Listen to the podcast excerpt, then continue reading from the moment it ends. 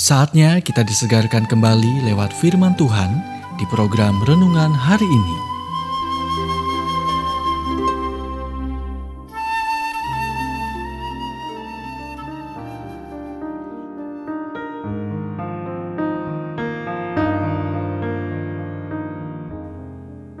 Renungan hari ini berjudul Bersiaplah untuk menerima. Nats Alkitab dari Yohanes 16 ayat 24. Mintalah, maka kamu akan menerima, supaya penuhlah sukacitamu.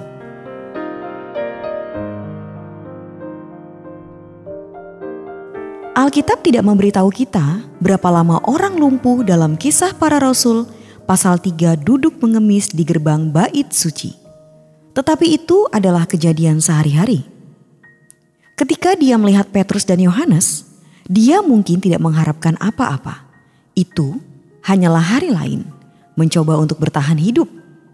Kemudian Petrus berkata, "Emas dan perak tidak ada padaku, tetapi apa yang kupunyai kuberikan kepadamu. Demi nama Yesus Kristus, orang Nazaret itu, berjalanlah." Inilah yang terjadi selanjutnya. Ia melonjak berdiri, lalu berjalan kian kemari dan mengikuti mereka ke dalam bait Allah. Berjalan dan melompat-lompat serta memuji Allah. Ada pelajaran penting di sini untuk Anda. Tuhan telah menetapkan waktu untuk melakukan hal-hal tertentu. Dia memiliki kalender dan nama Anda di dalamnya. Sudah waktunya untuk mengasihaninya. Sudah tiba saatnya. Jika Anda tidak secara spiritual merapat, Anda dapat kehilangan waktu yang ditetapkan dan kehilangan apa yang Tuhan miliki untuk Anda. Itu berarti Anda harus belajar untuk hidup dalam pengharapan. Karena berkat Tuhan datang kepada Anda atau melewati Anda. Mukjizat terjadi pada mereka yang mempercayainya, memintanya, mengharapkannya, dan menerimanya.